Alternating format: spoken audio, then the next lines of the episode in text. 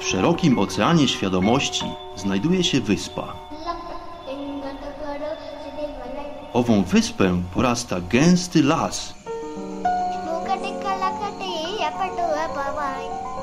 W dalekiej głębi tego właśnie lasu znajduje się słoneczna polanka.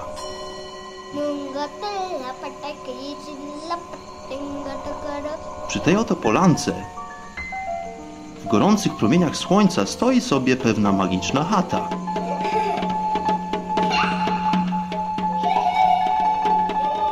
Właśnie tam żyje pewien mistyk.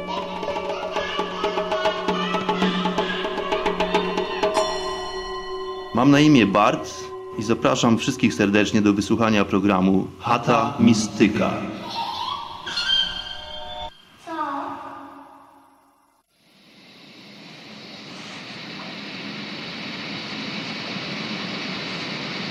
Zaszumiało, zaskwierczało. Namaste, namaskaram.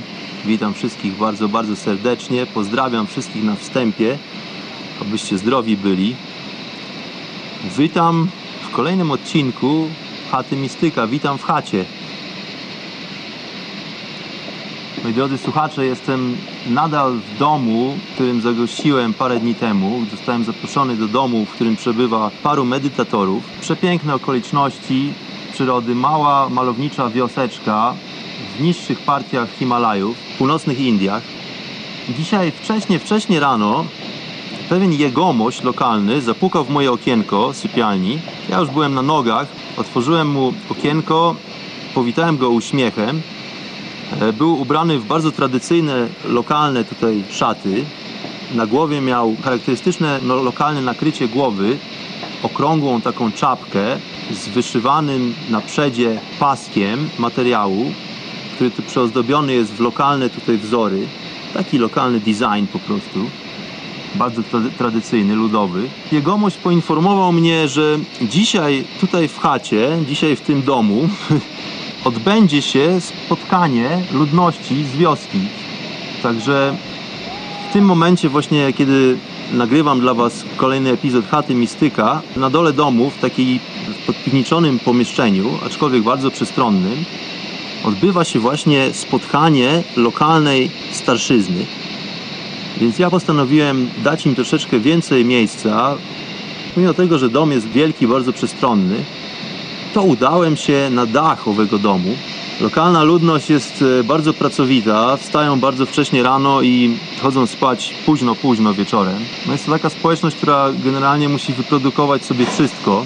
Warunki nie są łatwe, dlatego że są bardzo strome zbocza gór. Ja jestem tutaj w połowie takiej, w połowie wysokości takiej doliny, powiedziałbym, otoczony majestatycznymi szczytami, porośniętymi takimi strzelistymi ku niebu sosnami. Jest bardzo zielono, ale w oddali widać bardzo majestatyczne, dramatyczne, ostre szczyty himalajskie, które to pokryte są czapą śnieżną. Więc pomimo tego, że jest e, lato, to ten śnieg w wysokich partiach gór, podejrzewam, że jest to taka wysokość około 4,5 tysiąca, może 5 tysięcy metrów, ten śnieg po prostu utrzymuje się tam przez cały rok. Więc tutaj siedząc na dachu mam przewspaniały widok na te wszystkie szczyty. Oprócz tego otoczony jestem mnogością wodospadów. Naprawdę z tego miejsca, gdzie siedzę, gdybym próbował policzyć wodospady, te, które tylko widzę, to prawdopodobnie jest ich ponad 10. Jest to dosyć częste tutaj zjawisko w górach. Lokalna ludność jest bardzo pracowita, pracują ciężko. Kobiety pracują równie ciężko jak mężczyźni, może czasami nawet ciężej. Zaimponowało mi to, że widuję kobiety chadzające tutaj z potężnymi, potężnymi koszami na plecach. Te kosze są albo tradycyjnie zrobione z wikliny, albo częściej raczej plastikowe. No i jest obecnie czas zbiorów jabłek, dlatego że tutaj wioska zajmuje się, oprócz tego, że tak jak wspomniałem wcześniej, produkuje bardzo wysokiej klasy haszysz z kanabisu, który tutaj radośnie, naturalnie porasta po prostu wszędzie. To nie są rośliny, to są konopie indyjskie tak zwane, dokładnie indyjskie. One nie są tutaj hodowane, tylko one po prostu dziko rosną wszędzie.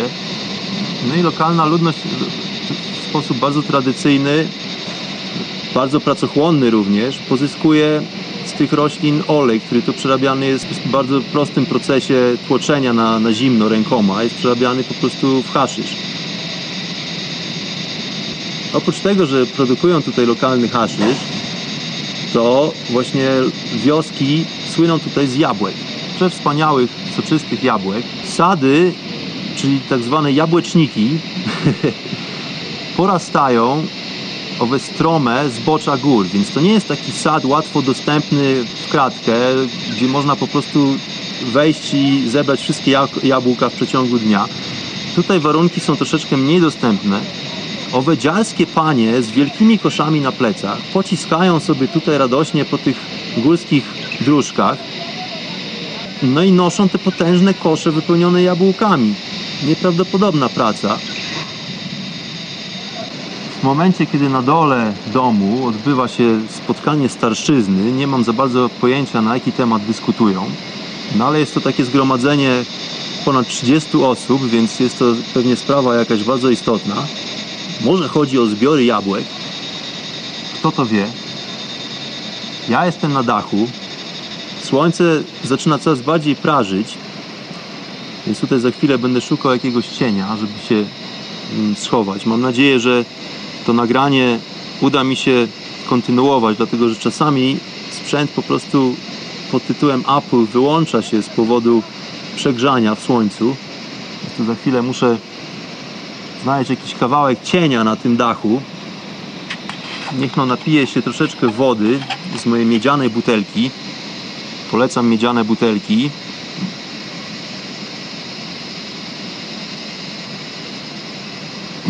No i jeszcze zanim rozpocznę, dzisiaj mam ciekawy dosyć temat, dlatego że dla uważnych słuchaczy, dla uważnych gości chaty Mistyka, może dzisiaj po prostu uda mi się otworzyć im troszeczkę oczy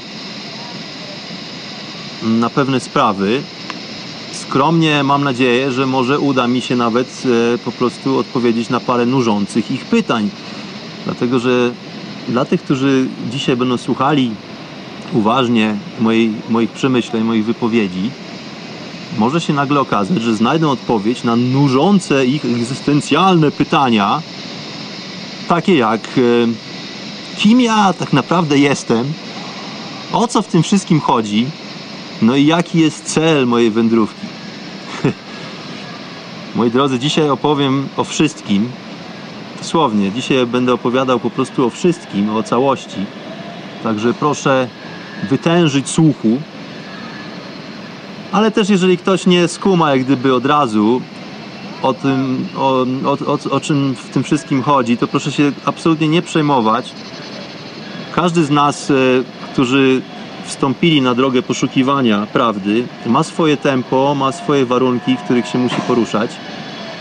Także nigdy nie polecam zapatrywania się na kogokolwiek innego, że a, ktoś to rozumie bardziej, E, ktoś to czuje bardziej, ktoś jest na wyższym poziomie, a ja w ogóle nic nie doznaję i nic się nie dzieje ze mną.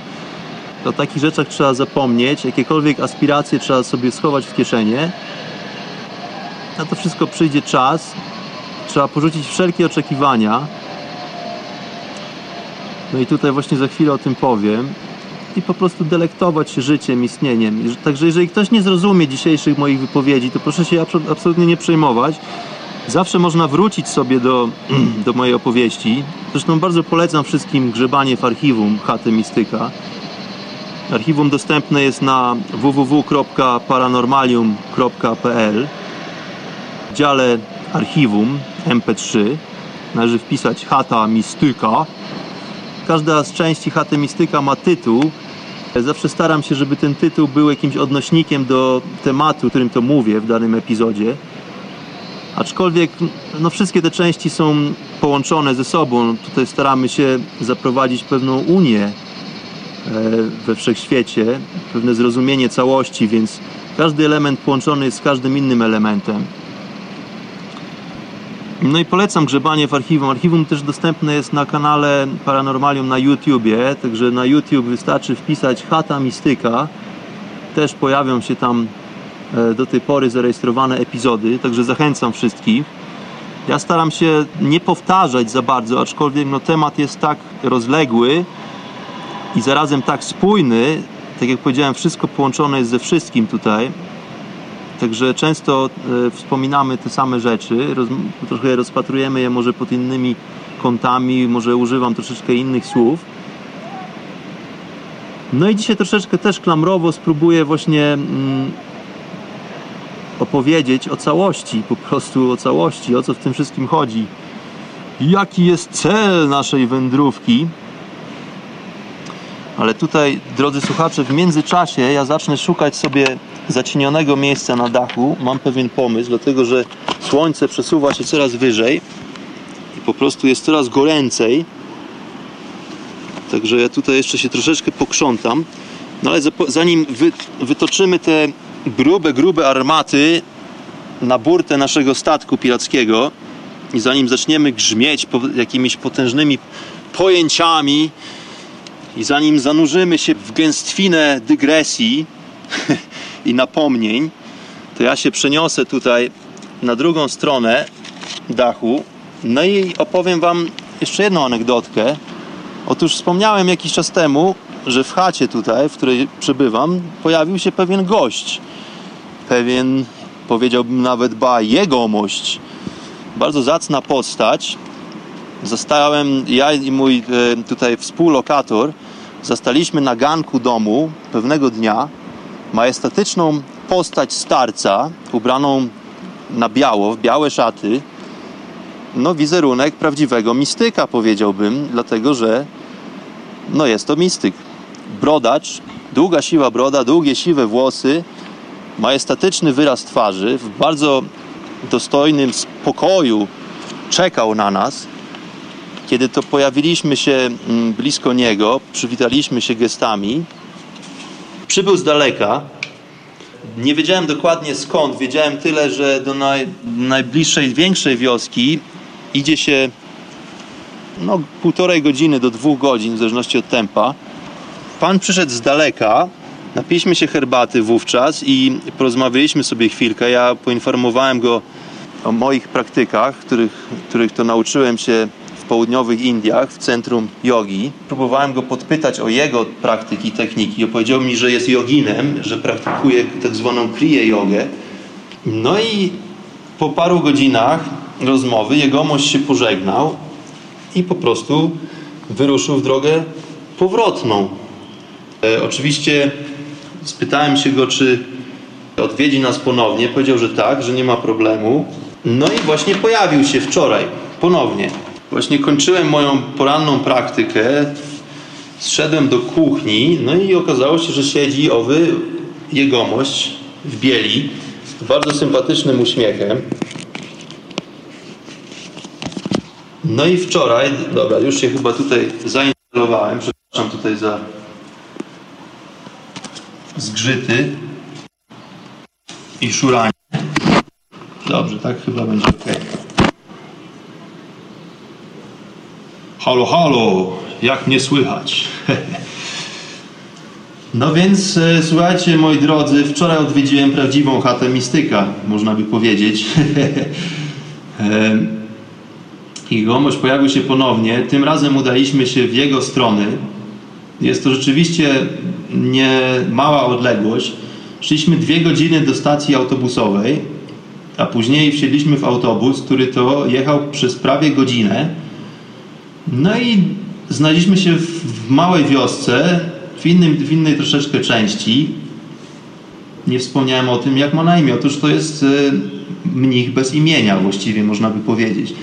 Dlatego, że wszyscy w wiosce nazywają go Swami Ji albo Baba Ji, co jest takim tytułem jak gdyby, który, którym się ludzie posługują, kiedy zwracają się do osoby uduchowionej, czyli do, do jogina, dajmy na to, który praktykuje rozwój duchowy. Więc Swami Ji ani Baba Ji to nie są imiona, to, to jest bardziej taka funkcja w społeczeństwie. Swami dosłownie oznacza mnich. No więc on jest nazywany po prostu mnichem. Nazwijmy go sobie mnichem bez imienia. Mnich bez imienia zaprowadził mnie do swojej chatki, w której mieszka, a jest to dosłownie chatka. Po takim 15-20 minutowym spacerze od miejsca, gdzie zatrzymał się autobus, znaleźliśmy się pośród pola, takiego po prostu pola, gdzie gdzie niegdzie rosły drzewa jabłkowe. No i stała tam taka dosłownie chatka, no, po prostu zwykła, taka drewniana, lekka konstrukcja. No i okazuje się, że jest to po prostu typowa pustelnia, 20 minut y, od głównej drogi. Po prostu człowiek jest totalnie sam, siedząc w tej chatce, dokonuje swoich praktyk, medytuje. W chatce nie ma ani prądu, ani nie ma wody, nie ma po prostu wodociągu tam.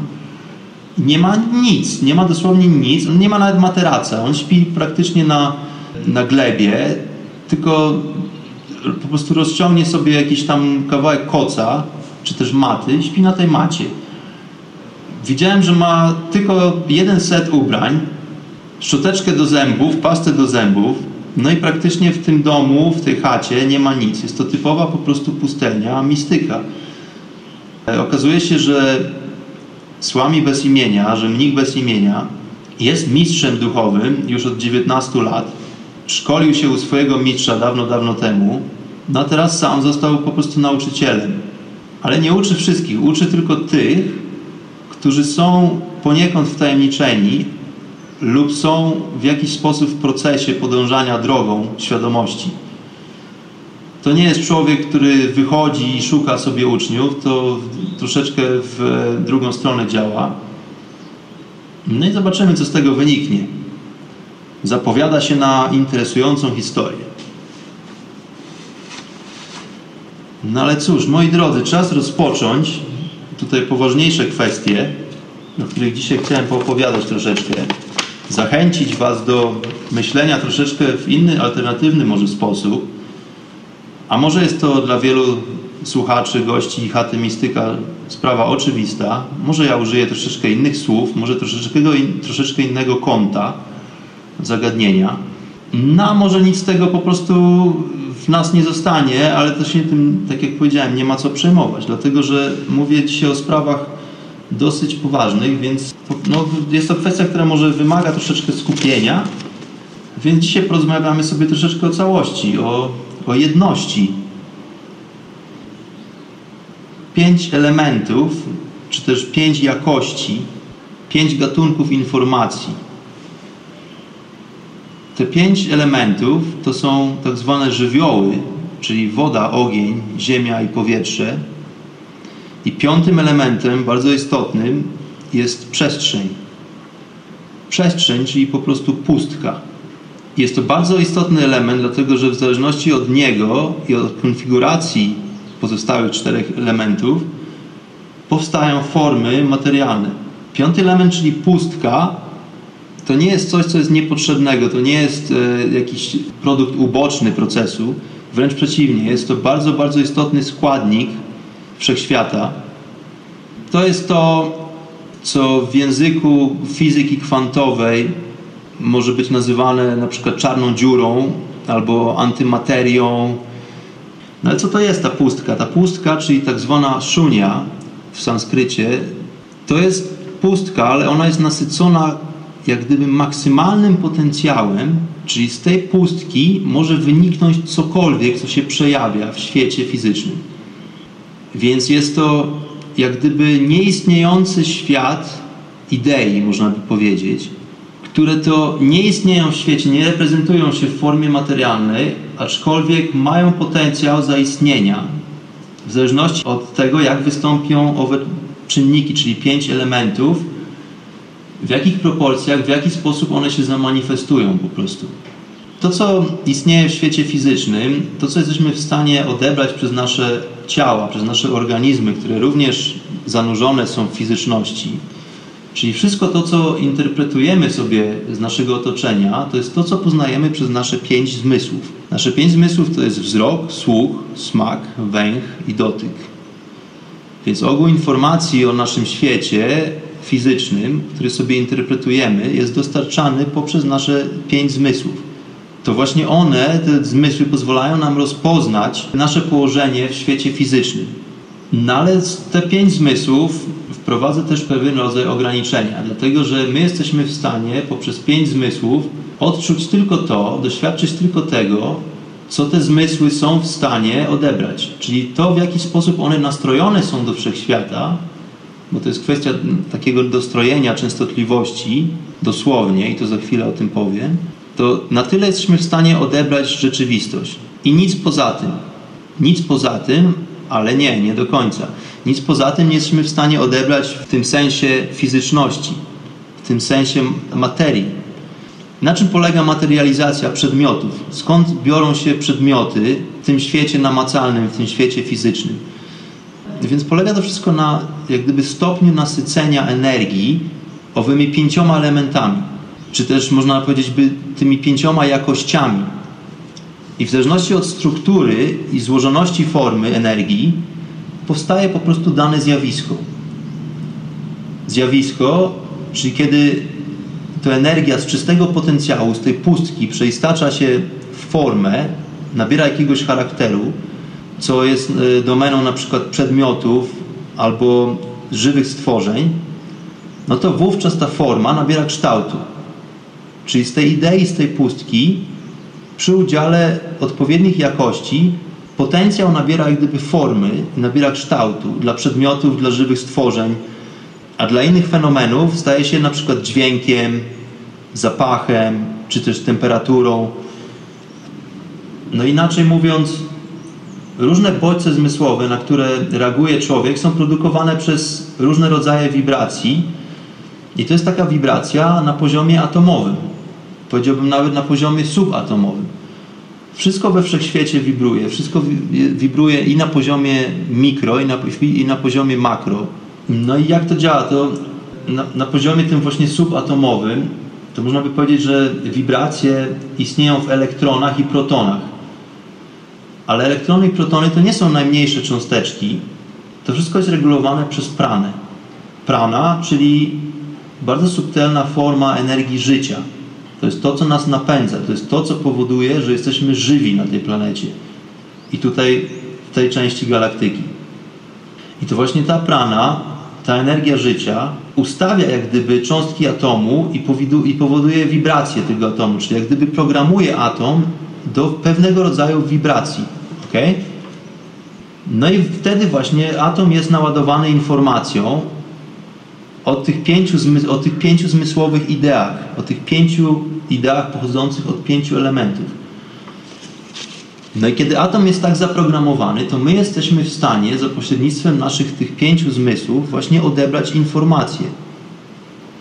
Czyli my jesteśmy w stanie odebrać informacje jako dźwięk, jako na przykład y, kształt. Jesteśmy w stanie doznać bodźców jakichś dotykowych i tak dalej.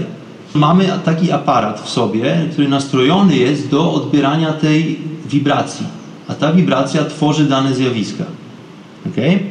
I teraz można by powiedzieć, że wszystkie istniejące, czyli te zmaterializowane formy, obojętnie od źródła pochodzenia, czyli obojętnie skąd, skąd są wygenerowane, one właśnie posiadają też pewne trzy rozpoznawalne charakterystyki, które to zawsze jednocześnie istnieją w każdej rzeczy i stworzeniu na świecie.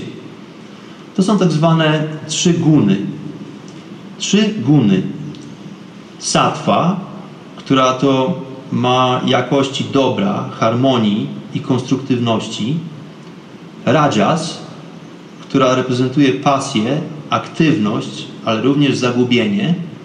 I tamas, czyli ciemność, ignorancja i zniszczenie. To są trzy guny, które całościowo opisują jakość każdego przedmiotu, można powiedzieć. Sattva, rajas, tamas. Ja o tym mówiłem troszeczkę szerzej e, w odcinku Chaty Mistyka zatytułowanym Adi Yogi, czyli była to opowieść o pierwszym joginie, o Shiwie. O gunach mówiłem, mm, z tego co pamiętam, w odcinku drugim, dlatego że były to dwa odcinki, także zachęcam bardzo do posłuchania tych starszych e, audycji Chaty Mistyka. No i co z tymi gunami? Okazuje się, że każda rzecz tutaj, w, która istnieje w materialnym świecie, ma w sobie po prostu te trzy guny, czyli te trzy zespoły wartości czy też jakości. No i teraz w zależności od proporcji i stopnia nasycenia tych jakości, stanowią one w jakiś sposób o charakterze przedmiotu. Czyli każdy przedmiot wygenerowany w tej naszej rzeczywistości fizycznej posiada te trzy różne wartości, jakości, tylko w innych proporcjach. I to w zależności od tego, jakie te proporcje będą, jaka będzie proporcja ignorancji, albo aktywności, albo dobra, to w zależności od tego powstanie dany przedmiot fizyczny albo stworzenie żywe. W ten sposób wydaje się materializować ten właśnie czysty potencjał. No i rzekomo poprzez bardzo, bardzo intensywne praktyki jogi można posiąść w pewien sposób umiejętność materializowania przedmiotów. Więc tutaj wypływamy już na naprawdę szerokie, głębokie wody.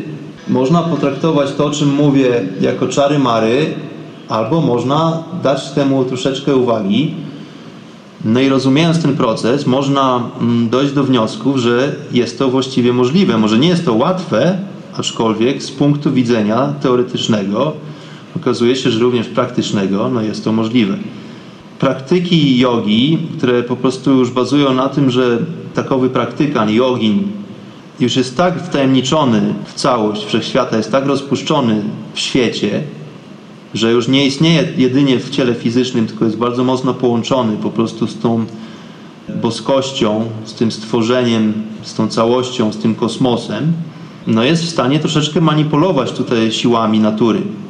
No jeżeli praktykujący są już na takim poziomie rozpoznania stworzenia i są jak gdyby tak już e, właśnie rozpuszczeni w tej zbiorowej świadomości, no to okazuje się, że są w stanie w jakiś sposób przekierować, można powiedzieć, owe stwórcze siły kosmiczne wedle swojej intencji. Czyli intencja już wówczas staje się tak potężnym narzędziem, że jest w stanie po prostu mm, w jakiś sposób uporządkować siły natury odnośnie naszej woli. Jest to na pewno niełatwa działalność, wymaga po prostu długich, długich lat praktyk. No i wówczas właśnie ma, na, może następ, na, nastąpić na przykład zmaterializowanie się jakiegoś obiektu. Dlatego, że wówczas odpowiednio dobrane proporcje jakości energii kosmicznej są w stanie długotrwale, powiedziałbym, zamanifestować się w żądanej przez owego jogina formie. No i tutaj mam przykład takiego jogina, Ganda Baba, czyli Perfume Saint, tak zwany święty od perfumów, można by to przetłumaczyć. Święty od perfumów. Był to pewien bardzo nonszalański, nonszalański jogin, który rzekomo przez hardkorowe praktyki jogi, trwały one 12 lat, zdołał nabyć umiejętności dostrajania siebie do mocy pranicznych, czyli do tych energii życiowych.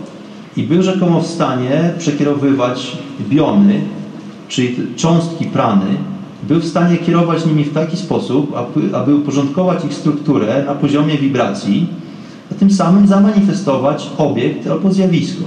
No i rzekomo jego specjalnością było e, produkowanie przepięknych zapachów, stąd ksywka właśnie święty od perfumów. Zdobył sobie tym dosyć sporą popularność, odwiedzało go wielu ludzi, mm, miał mnóstwo uczniów. No jego wizytatorzy byli bardzo zachwyceni faktem, że był w stanie sprawić, że przykładowo ich dłonie bez użycia żadnych substancji i bez kontaktu dotykowego z samym mistrzem, że ich dłonie zaczynały pachnąć intensywną woń, wonią olejku różanego na przykład, albo jaśminu. Więc po prostu owy jegomość, mnich od perfum sprawiał, że części ciała jego gości zaczynały po prostu przepięknie pachnąć perfumami. No i odbywało się to bez udziału żadnych substancji, ani, ani bez dotykania nikogo. No oczywiście próbowano podważyć autentyczność świętego od perfumów. Zarzucano mu praktykę autosugestii, czy też nawet hipnozy. Czyli myślano, że ludzie stają się ofiarami jakichś praktyk hipnotycznych i w związku z tym w bardzo subiektywny sposób są w stanie czuć woń e, perfum. No ale okazało się, że, że to jednak nie była hipnoza, dlatego że nawet ludzie na zewnątrz, którzy nie brali udziału w eksperymencie, również czuli zapach perfum na skórze ludzi czy na przedmiotach, które były w obecności mistrza. No więc zostało to w jakiś sposób zweryfikowane No i co o tej historii myślicie? Pozostawiam to Wam. Aczkolwiek w jakiś sposób historia owa pokazuje tutaj nieprawdopodobny potencjał możliwości, które wynikają z praktyki duchowości, jogi, e, nasz samych, po prostu wnętrza. Wszechświat jest przepotężny, ale jednocześnie jest e, bardzo mikroskopijny. To jest taki paradoks. Wszechświat nie posługuje się prawami logicznymi, dlatego że w pewnym momencie tutaj, kiedy rozmawiamy sobie o sprawach metafizycznych, mistycznych czy też duchowych, język staje się bardzo nieporadny. Oprócz tego, że nie mówię za często po polsku, to też mm, pojawia się pewien problem lingwistyczny, e, który związany jest z tłumaczeniem, nadawaniem nazw zjawiskom, które to po prostu już nie egzystują, nie funkcjonują w obszarze naszego poznania zmysłowego właśnie. Dlatego, że to, co poznajemy przez zmysły, nauczyliśmy się sobie nazywać. Stworzyliśmy sobie języki, e, słowa, którymi to posługujemy się. Jest to swego rodzaju forma kodowania informacji, do, która to dociera do nas poprzez nasze zmysły, które to odbierają ową kosmiczną wibrację. No ale właśnie problem chyba głównie polega na tym, że tutaj pozostawiamy w tle ową sprawność logiczną.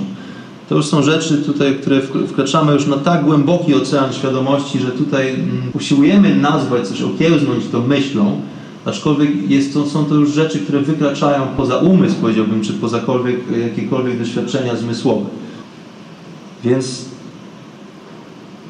wszechświat, ten wszech, wszechpotężny, bezgraniczny wszechświat, jako całość jest przedstawiony w każdej swojej pojedynczej cząsteczce. Czyli każda naj, najmniejsza drobina rzeczywistości tego wszechświata zawiera informacje o całości, jak gdyby o wszystkim innym i jest kosmosem, można by powiedzieć, samym w sobie. Czyli każda drobinka kosmosu, każdy pyłek, każde, każde ziarenko jest po prostu swoistego rodzaju z kosmosem samym w sobie. No i właśnie Shiva, czy też Adi Yogi, tak zwany pierwszy yogin, powiedział, że cały kosmos, całe stworzenie można umieścić w ziarenku gorczycy, czyli po angielsku mustard seed. To jest takie powiedzenie, że cały, kos, cały kosmos można umieścić w tym właśnie mustard seed, czyli w tym małym ziarenku gorczycy. No dlatego, że właśnie tak jest. Informacja jest ta sama dla wszystkiego, tylko inne są proporcje, troszeczkę inna jest wibracja, troszeczkę inne pojawiają się warunki, dlatego że te wszystkie elementy oddziałują, każdy z każdym. Energia wiecznie krąży w kosmosie. Wszystko jest częścią tego samego. Funkcjonuje na tej samej zasadzie, można by powiedzieć. I zbudowane jest z tego samego materiału, z owych pięciu elementów. Wszystko ma zespół wszechobecnych jakości, owe trzy guny. Dlatego też wszystko zanurzone jest jak gdyby w takiej siatce zależności. Wszystko połączone jest ze wszystkim. Dlatego wszystko jest właśnie jednym. Wszystko jest jednością. Wszystko jedno. Ale nie wszystko jedno, że nie zależy mi, e, wszystko jedno, machnę ręką i pójdę. Tylko wszystko, znak równości pomiędzy jedno. Wszystko jest jednym.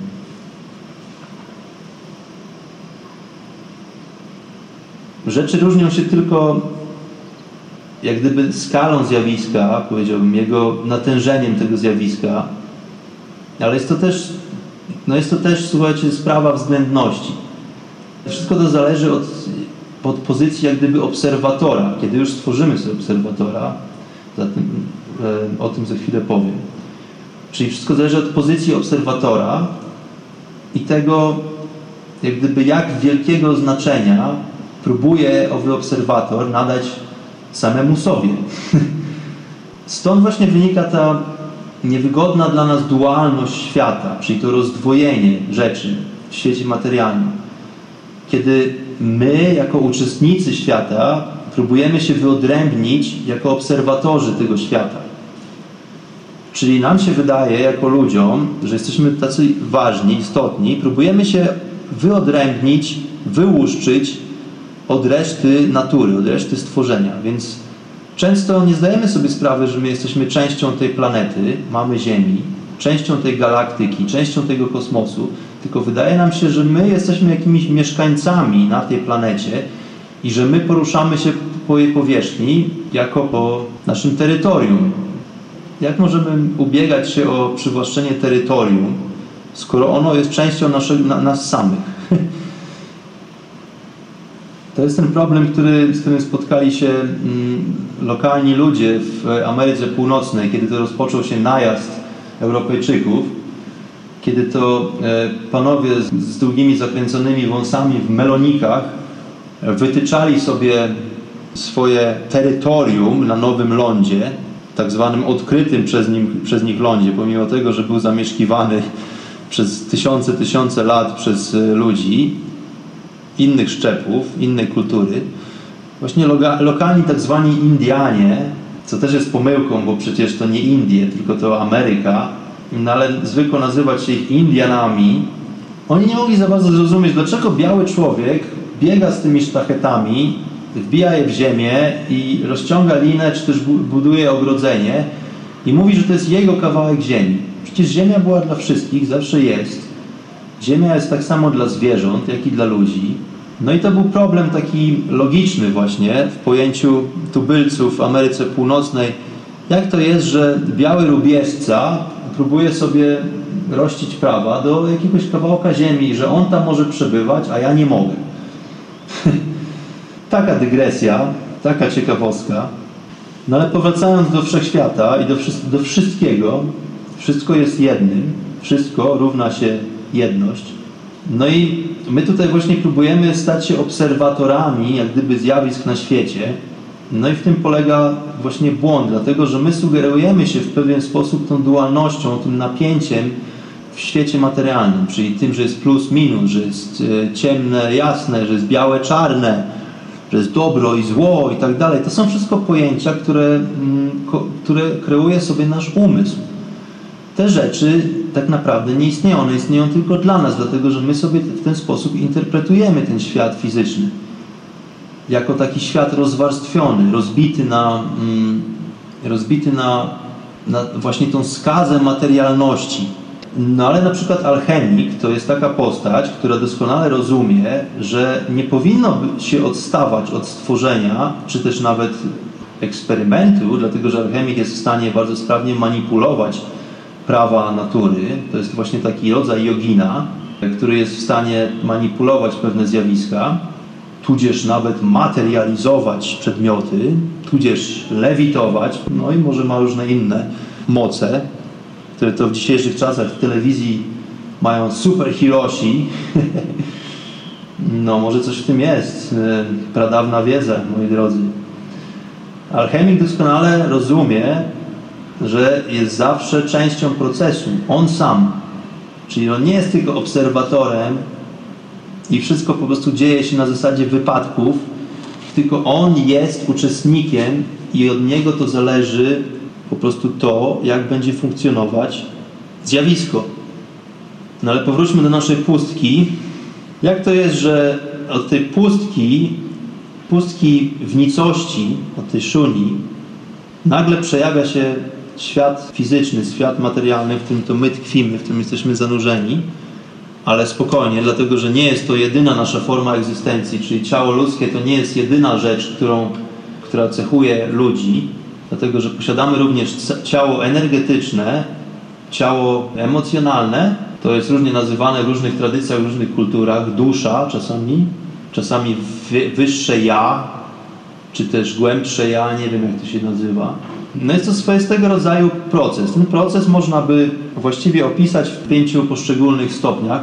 Jak to się staje, że od, od tej pustki, od tej nicości, od tej antymaterii, od tej czarnej dziury, która jest notabene właśnie nicością, ale tak gęstą, że zasysa do siebie po prostu każdą materię, która pomimo tego, że ma gęstość, to jest po prostu jak gdyby dużo lżejsza niż, ta, niż ten maksymalny, maksymalny, przepotężny, nieograniczony potencjał, owa właśnie czarna dziura. Dlatego właśnie wszystkie galaktyki zaobserwowane mm, zjawiska kosmiczne zasysane są do tego, do wnętrza tej, tej, tej najbardziej nasyconej potencjałem nicości, tej pustki, tej nieprzestrzeni. No jak to się dzieje, że właśnie od tego pojawiają się obiekty fizyczne, takie po prostu materialne. No więc jest to pięć stopni. Pierwszym z nich to jest właśnie pustka, owa nicość, szunia. W tym wszystkim następuje zapłon, można by powiedzieć. Tutaj następuje powstanie świadomości, samoświadomości. Dlatego, że wszystko ogólnie, ogół cały jest świadomością, ale musi nastąpić moment, to nie jest moment w czasie, tylko musi nastąpić jak gdyby inicjacja, zapłon myśli. Czyli pojawia się myśl. Czy też jeszcze nawet nie jest to myśl, dlatego że to jeszcze nie jest umysł, to jest samoświadomość. To jest zapłon. Ja jestem. I am. Niech tak będzie. Amen. Czy cokolwiek, cokolwiek jest nazywane w różnych religiach, w różnych tradycjach. Ja jestem. Jest to moment rozpoznania istnienia samego siebie. Jeżeli wykasujemy wszystkie pytania, które nas nurtują, lub czy, czy też kiedy odpowiemy na wszystkie pytania, które nas nurtują, co prawdopodobnie nie jest możliwe, no ale może po dzisiejszej audycji parę pytań uda się tutaj rozwiązać.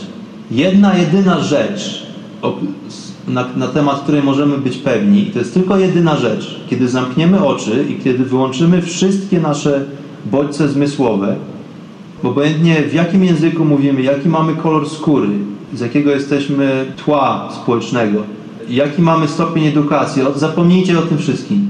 Kiedy zamkniemy oczy, skupimy się na naszym wewnętrznym spokoju, wyłączymy wszystkie zmysły, to jest tylko jedna rzecz, na temat której możemy być pewni. I ta rzecz to jest nasze istnienie.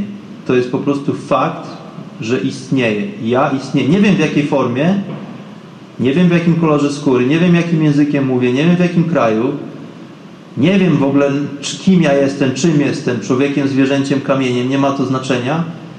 Jedyny fakt, który tkwi naszej świadomości, która się pojawia, to jest taki, że ja jestem.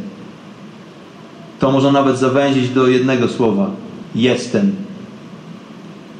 Czyli to już nie ma znaczenia w tym momencie, czy to ja, czy to ty, czy to my, czy oni. Jedyna opcja, która może się pojawić w kompletnie pustym umyśle, to jest to, że rozpoznajemy własne istnienie. Jestem. I to jest początek wszystkiego. To właśnie o tym mówi Biblia w księdze Genezy, kiedy mówi, kiedy mówi o tym, że na początku był dźwięk, na początku był głos, wibracja. Pojawia się po prostu pierwsza forma wibracji. Jestem, myśl, która nie ma jak gdyby jeszcze nie ukorzeniona jest w umyśle, dlatego że umysł jeszcze w tym momencie nie istnieje. Umysł pojawia się na kolejnym stopniu, na trzecim stopniu to właśnie tutaj świadomość wytwarza umysł, czyli powstaje jak gdyby już forma indywidualności. Czyli właśnie tu można dodać już to słowo, ten, ten, to słowo ja. Ja jestem.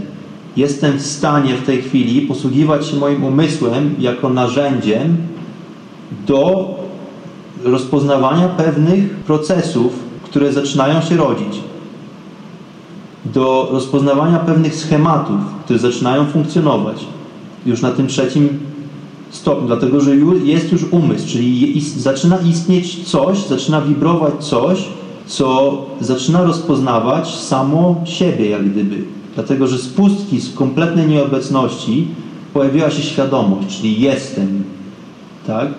I z jestem pojawia się umysł, czyli dostajemy jak gdyby narzędzie do realizacji mm, naszego rozpoznania. Okay? Możemy zacząć się rozglądać dookoła. Nic jeszcze nie ma, dlatego że nie ma jeszcze świata, jest tylko umysł, ale już powoli możemy zaczynać się rozglądać dookoła. Już mamy jakieś narzędzie, tak? No i czwartym stopniem, kolejnym, jest nasze ciało ludzkie, czyli pojawia się po prostu materializacja. Materializujemy się w formie człowieka, czyli ten umysł ma już swoją lokalizację, już w głowie mieszka rozum, prawda? No i to ciało fizyczne to już jest tak naprawdę to, mm, w jaki sposób funkcjonujemy tutaj w tych warunkach. No i teraz piątym kolejnym stopniem dodamy do tego, wokół tego ciała dodamy cały świat. Czyli to nie jest tylko nasze ciało unoszące się w niebycie, tylko już mamy stworzony świat, mamy, mamy swoją galaktykę, mamy planetę, którą to zamieszkujemy. Jest to świat obiektów materialnych, fizycznych, w których to funkcjonujemy. No i tutaj nie zapominajmy o tym, że ciało, nasze ciało ludzkie, to nie jest nic innego jak po prostu zbiór elementów z naszego otoczenia, czyli z naszego świata. Dlatego, że my, pomimo tego, że przypisujemy sobie jakieś niesamowite mm, zasługi i jesteśmy bardzo dumni z naszej ludzkości, człowieczeństwa, to często nie zdajemy sobie sprawy, że my tak naprawdę jesteśmy tylko po prostu ziemią. I to dosłownie jesteśmy brudem, taką ziemią, która po prostu jest, jest troszeczkę bardziej złożona w swojej strukturze, bardziej kompleksowa forma, która to po prostu ma dwie nogi i potrafi się poruszać po powierzchni planety. Ale nasze ciało składa się z tego samego, z tych samych pięciu elementów, z których składa się wszystko inne na tej planecie. Czy jest to zwierzę, czy jest to roślina, czy jest to, czy jest to, to najbardziej złożony organizm, który tutaj zamieszkuje tą planetę, który jest częścią tej planety, czyli człowiek, to my jesteśmy złożeni z tego samego. I teraz my, dlaczego ciało jedzeniowe, czy też żywieniowe? Dlatego, że nasza struktura ciała składa się tylko i wyłącznie z tego, co my nazbieraliśmy rączkami i włożyliśmy do buzi. To nie jest jedyny sposób, w jaki nabywamy energii do funkcjonowania, dlatego że energia praniczna pochodzi bezpośrednio z kosmosu. Ta energia życia pochodzi bezpośrednio ze słoneczka. To słońce, które często nas pali, razi w oczy, za którym tak bardzo tęsknimy w, na przykład w okresie zimy, to jest właśnie potężny transmitter, który po prostu non-stop nadaje. Nadaje i wydziela energię, którą to zasilane, zasilane są wszystkie organizmy na tej planecie. No a to nasze ciało fizyczne to jest po prostu nic innego jak zbiór elementów z naszego otoczenia, czyli z naszej planety. Pięć stopni, pięć procesów, w których to manifestuje się świat obiektywny, czyli świat obiektów, prawda? Zaczynamy od pustki, to znaczy, to jest, źle powiedziałem, zaczynamy, dlatego że ten proces, te pięć stopni, to jest tylko logiczna próba zrozumienia tego, czym jest fenomen istnienia. Dlatego, że można zacząć ten proces na każdym stopniu, dlatego, że to jest proces, w którym nigdy się nie, nie, nigdy się nie zatrzymuje. Jest to pewnego rodzaju ekspansja tych pięciu mm, elementów procesu, i implozja. I to następuje cały czas naokoło. Jest po prostu wszechświat się rozszerza i zawęża, rozszerza, zawęża. Powiększa i zacieśnia. Więc z pustki, z nicości, z szuni powstaje świadomość. Ja jestem, czyli jestem, to jest drugi stopień. Istnieje, ja istnieję. Trzeci, trzeci stopień to jest umysł, pojawia się umysł. Umysł to jest, to jest tylko i wyłącznie nasze narzędzie do rozpoznawania schematów, którymi posługuje się świat. W tym świecie fizycznym my sobie do, do, dostarczamy jakichś informacji, jakichś definicji. E, pojawia się dualność, dlatego że świat fizyczny odbieramy tylko i wyłącznie za pośrednictwem naszych ograniczonych bardzo pięciu zmysłów. Tworzymy sobie tutaj w tym miejscu definicję czasu, który to notabene nie istnieje tak naprawdę. Czas i przestrzeń to są tylko rzeczy, które my sobie interpretujemy. One w skali wieczności, w skali nicości owej szuni, czas nie ma znaczenia. Czas dotyczy tylko naszego świata materialnego. Czyli on się pojawia tylko na tym etapie, na tym trzecim etapie, kiedy to za, zaczyna funkcjonować umysł, pojawia się pojęcie czasu, czy też przestrzeni. My próbujemy sobie nazwać rzeczy. Kiedy umysł już funkcjonuje jako narzędzie, pojawia się ciało, czy też manifestuje się ciało. Jesteśmy ludźmi, jesteśmy zwierzątkami. Mamy dwie ręce, dwie nogi, mamy nos, mamy oczy, mamy wszystkie narządy naszych zmysłów. Żywimy to ciałko, zbieramy te wszystkie roślinki, korzonki, owoce, orzeszki dookoła, pijemy wodę, mm, no niektórzy też jedzą zwierzątka, czy też piją e, mleko pochodzące od innych stworzeń. No i zaczynamy sobie ogarniać, nazywać to wszystko dookoła, zaczyna się no zaczyna się pewnego rodzaju stres mm, związany z tym, że próbujemy zapewnić sobie przetrwanie tutaj w tym świecie fizycznym po prostu. Dlatego, że pojawia się strach, pojawiają się emocje, które tu nie istniały wcześniej, prawda? Bo w tym momencie, kiedy uświadamiamy sobie jestem, istnieję, tutaj nie ma żadnych emocji. To jest stan kompletnej błogości, po prostu istnienia ponadczasowego. Jestem. Nie interesuje mnie to, czy będę głodny, e, co będę e, e, robił jutro, jak zapłacę za czynsz w przyszłym miesiącu. Nie ma w ogóle takich problemów na tym etapie, prawda?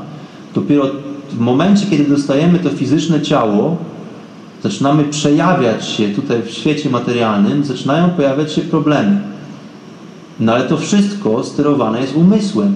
To wszystko pochodzi tylko i wyłącznie z naszego oglądu rzeczywistości, a nie z rzeczywistości samej w sobie. No i to nasze ciało funkcjonuje w świecie, czyli na tej planecie, tutaj w tych warunkach materialnych, w tych warunkach kosmicznych, w jakich się przejawiliśmy. Jest to świat obiektów, czyli jesteśmy otoczeni różnymi obiektami, sami jesteśmy obiektem w tym świecie. No i stąd właśnie wywodzi się forma dualizmu.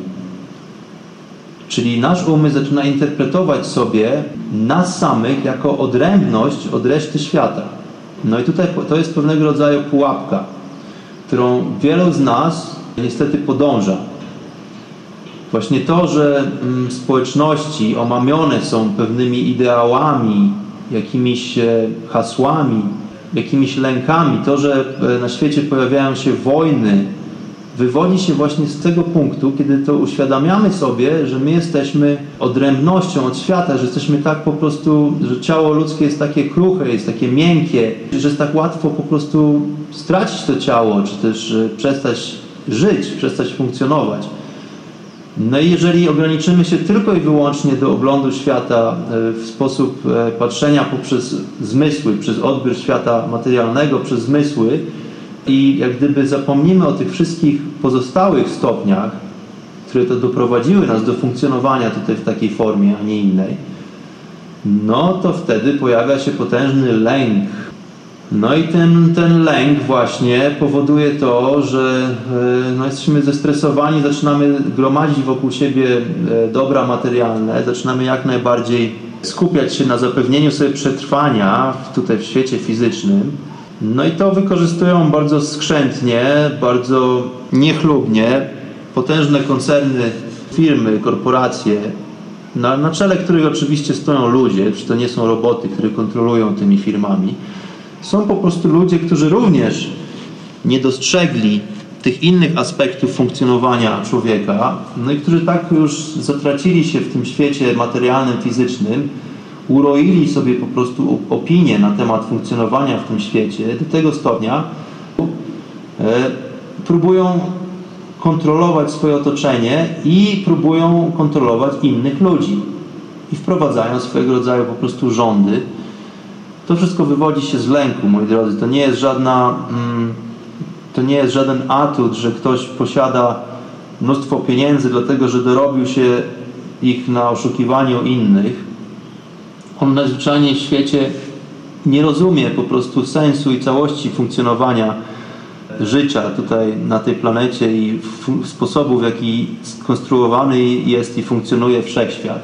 To jest człowiek, który zapędził się początkowo w próbie zapewniania sobie jak, najwy, jak najwyższego bezpieczeństwa w naturze, później komfortu, no i później to przeradza się właśnie w jakąś chorą rządzę władzy i e, pomiatania innymi ludźmi, którzy sobie po prostu żyją i funkcjonują i delektują się stworzeniem i światem. Z tego tutaj miejsca właśnie pojawiają się ludzkie troski. Tutaj e, to jest to miejsce, w którym zaczynają funkcjonować wojny pomiędzy plemionami, pomiędzy narodami. Jest to wojna wpływów, jest to wojna e, dosłownie w formie militarnej. Przykra jest to sprawa, że jest to tylko jak gdyby poziom nasycenia świadomości, że niektórzy z nas właśnie dokonują takich złych wyborów, znaczy dokonują po prostu takich wyborów, dlatego że no wybory powinny być w naturze słuszne, czyli nie ma jak gdyby pojęcia dobra i zła. To jest znowuż coś, co mm, my sobie wykreowaliśmy, posługując się naszymi umysłami. Umysł, czyli tylko coś, co jest narzędziem do funkcjonowania w świecie materialnym, a my nie jesteśmy tylko e, zwierzątkami w, materialnych ciałach. No ale owy, owy umysł stworzył sobie różnego rodzaju definicje, różnego rodzaju dualności, pojęcia czasu, przestrzeni, pojęcia dobra, czy też zła, czy też umysł próbuje nazywać sobie emocje, których doświadczamy tutaj. E, świat po prostu jest jaki jest. Stworzenie nie ma jakości przewyższającej niszczącej, dlatego że po prostu stworzenie by zniszczyło samo siebie i przestałoby tym samym istnieć. Więc ogólną tendencją jest dobro. My sobie to nazywamy dobrem, ale to jest tak, tak, naprawdę tylko kwestia tego, co działa i co nie działa. To jest tak jak w laboratorium chemicznym czy w warsztacie mechanicznym. Coś po prostu albo działa, albo nie działa. Jest dla nas korzystne albo niekorzystne. Czasami jest neutralne. Więc tak samo jest z pojęciami dobra i zła. To są rzeczy, które my sobie stworzyliśmy definicję, aby nazywać, nazywać jakieś e, formy zaistniałe tutaj w rzeczywistości, ale tak naprawdę dobro i zło nie istnieje. Są tylko rzeczy, które działają lub nie działają. No i zabiegłem się troszeczkę tutaj w tej dygresji. Mówiłem o tych wszystkich e, wielkorządcach, zagubionych postaciach. No właśnie, dlatego że gdyby ta grupa tak zwana rządząca, gdyby oni na chwilę się zatrzymali, usiedli po prostu spokojnie i nie myśleli o tych swoich klanach, które stworzyli, żeby kontrolować rynkami świata i ludźmi, żeby nie myśleli o tych akcjach na Wall Street, żeby nie myśleli o tych pieniądzach, czy o tym e, po prostu w jaką limuzynę wsiądą dzisiaj po południu. Gdyby oni po prostu na chwilę usiedli i zaczęli praktykować medytację, gdyby zanurzyli się wewnątrz siebie, to każdy z nas jest w stanie dojść do wniosku, że jesteśmy częścią potężnego, funkcjonującego mechanizmu. Jesteśmy po prostu przejawem życia tutaj na tej planecie. Jesteśmy tylko jednostkowym przejawem tego, co manifestuje się całościowo. Z, tego miejsca, dlaczego chcielibyśmy zaszkodzić jakiejś części stworzenia? Czyli, no to jest tak jakbym, dlaczego miałbym w tej chwili zacząć e, gryźć się w palec wskazujący lewej ręki, i, i odgryźć sobie palec. No dlaczego miałbym to zrobić? Przecież to jest część mojego własnego organizmu. To jest część mnie samego. No i w podobnym, w podobny sposób w społeczności, kiedy do, większość ludzi tak naprawdę jest dobra, jeżeli nazywamy sobie to takimi kategoriami. Większość ludzi jest dobra. E, tylko po prostu ludzie, niektórzy są zagubieni, dlatego że, że się boją, dlatego że po prostu przejawia się w nich forma lęku co prowadzi do stresu. To wszystko funkcjonuje tylko i wyłącznie w naszych umysłach. Żadne zjawiska tak naprawdę nie funkcjonują na zewnątrz w takich formach, w jakich my sobie je nazywamy słowami. Wszystko jest takie, jakie jest. To tylko my panicznie próbujemy sobie wszystko podporządkować, wyprostować i nazwać.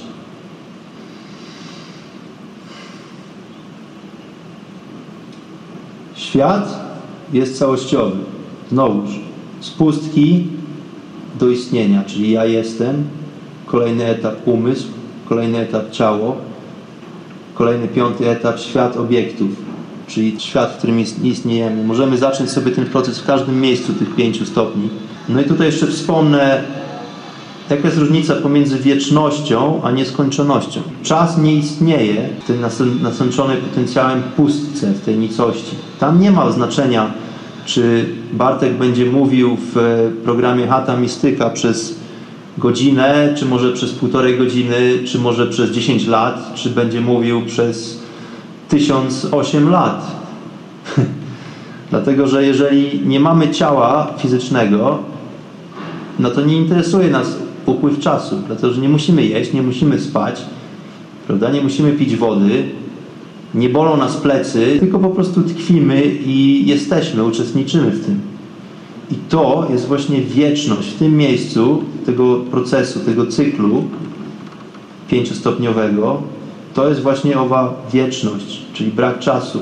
Później, kiedy kreujemy sobie ten, to pojęcie czasu, kiedy już posiadamy umysł, kiedy zaczynamy już funkcjonować w ciele i to ciało zaczyna funkcjonować w świecie obiektów,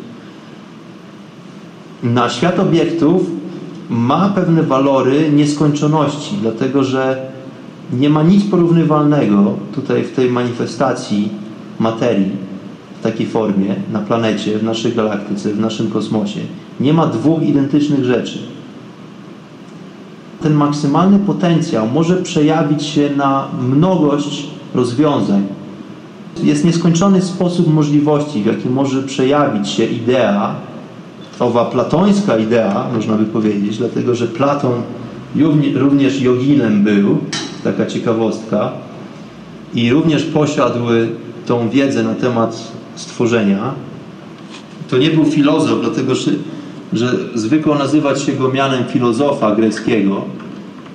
No ale filozofia nie jest to dziedzina bardzo praktyczna, tylko bardzo teoretyczna. Okazuje się, że Platon mówił i uczył i nauczał rzeczach, które miały bardzo praktyczne zastosowanie. No tudzież z tych właśnie idei platońskich, z tego świata mm, obrazów, jak gdyby, ale które nie mają jeszcze formy, owe pomysły, można powiedzieć, owe idee są w stanie przekształcić się w cokolwiek, w nieskończoną ilość możliwości. I ta ilość możliwości nigdy się nie skończy. Dlatego, że nie istnieje w czasie, tak jak sobie tutaj podsumowaliśmy.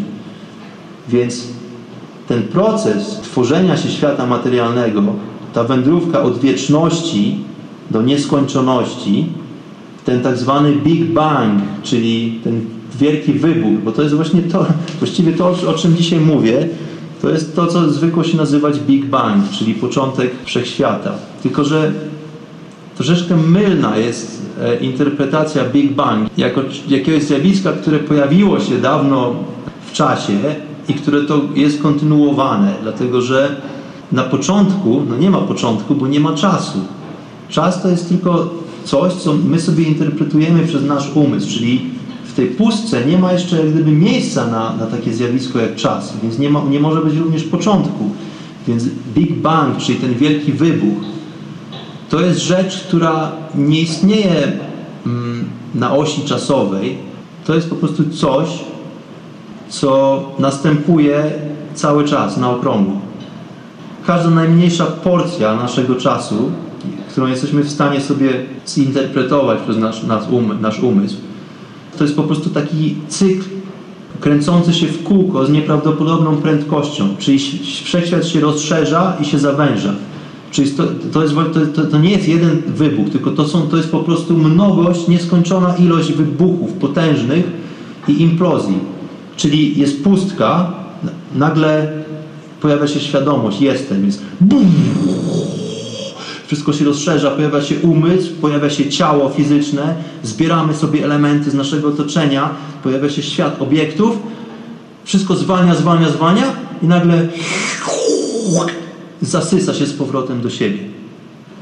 I to jest właśnie to, to jest ten Big Bang, to jest właśnie, to nie jest tylko wybuch, tylko to jest implozja. I to trwa cały czas, od wieczności po nieskończoność. Od maksymalnego potencjału do nieskończoności możliwości przejawiania się form, form materialnych. Okay? Czyli to, to, my, my wiecznie rozpadamy się na części jako materia i jesteśmy zespalani na nowo. Tylko to się dzieje tak szybko, że my nie jesteśmy w stanie tego zauważyć. Nasze organizmy fizyczne rozpadają się miliony razy na sekundę i składają się ponownie w całość. To wszystko zależy, to jak się składają, zależy wszystko od wibracji, a wibracja jest programowana z owej pustki. No i to właśnie tutaj pojawiają się zagadnienia telepatii, dlatego że jesteśmy w stanie, może, może jesteśmy w stanie komunikować się bez używania słów, skoro są takie miejsca, gdzie nasza świadomość funkcjonuje bez organizmów, bez tego ciała fizycznego. Może tutaj pojawia się miejsce na teleportację, skoro jesteśmy w stanie funkcjonować poza ciałem. Może są takie momenty, kiedy jesteśmy w stanie to ciało jak gdyby skumulować w innych warunkach, w innych okolicznościach czasu, przestrzeni.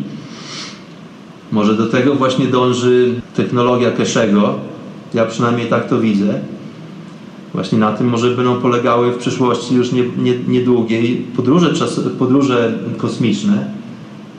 Nie na zasadzie wsiadania w rakietę, która spala tony paliwa, wyrzucając śmieci w kosmos, które później to orbitują przez tysiące lat, a może na zasadzie, że we własnym domu, we własnym, we własnym pokoju jesteśmy w stanie stworzyć takie warunki, że po prostu znikamy, pojawiamy się w innym miejscu. może na tym to właśnie wszystko polega.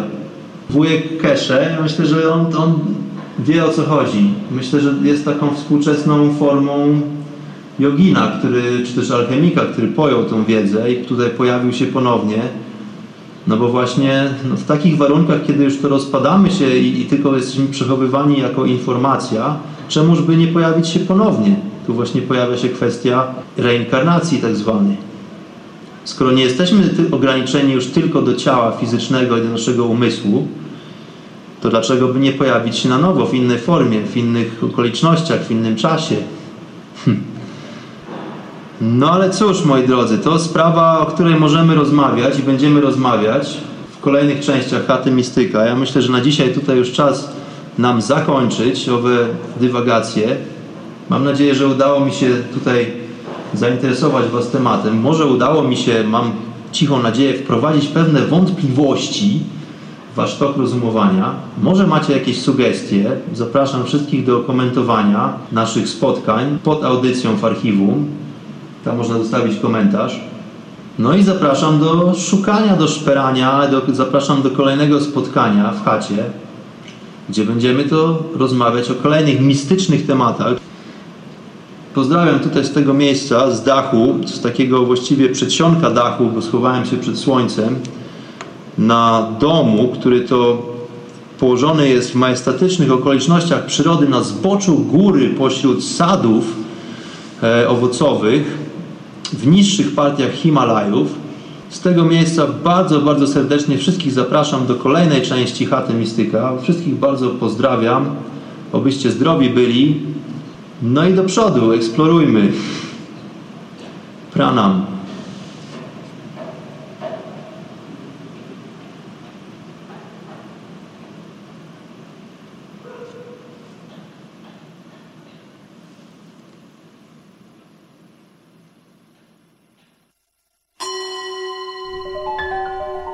Szerokim oceanie świadomości znajduje się wyspa. Ową wyspę porasta gęsty las. W dalekiej głębi tego właśnie lasu znajduje się słoneczna polanka.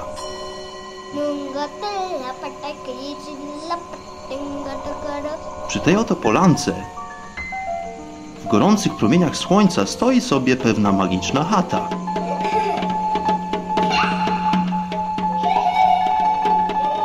Właśnie tam żyje pewien mistyk.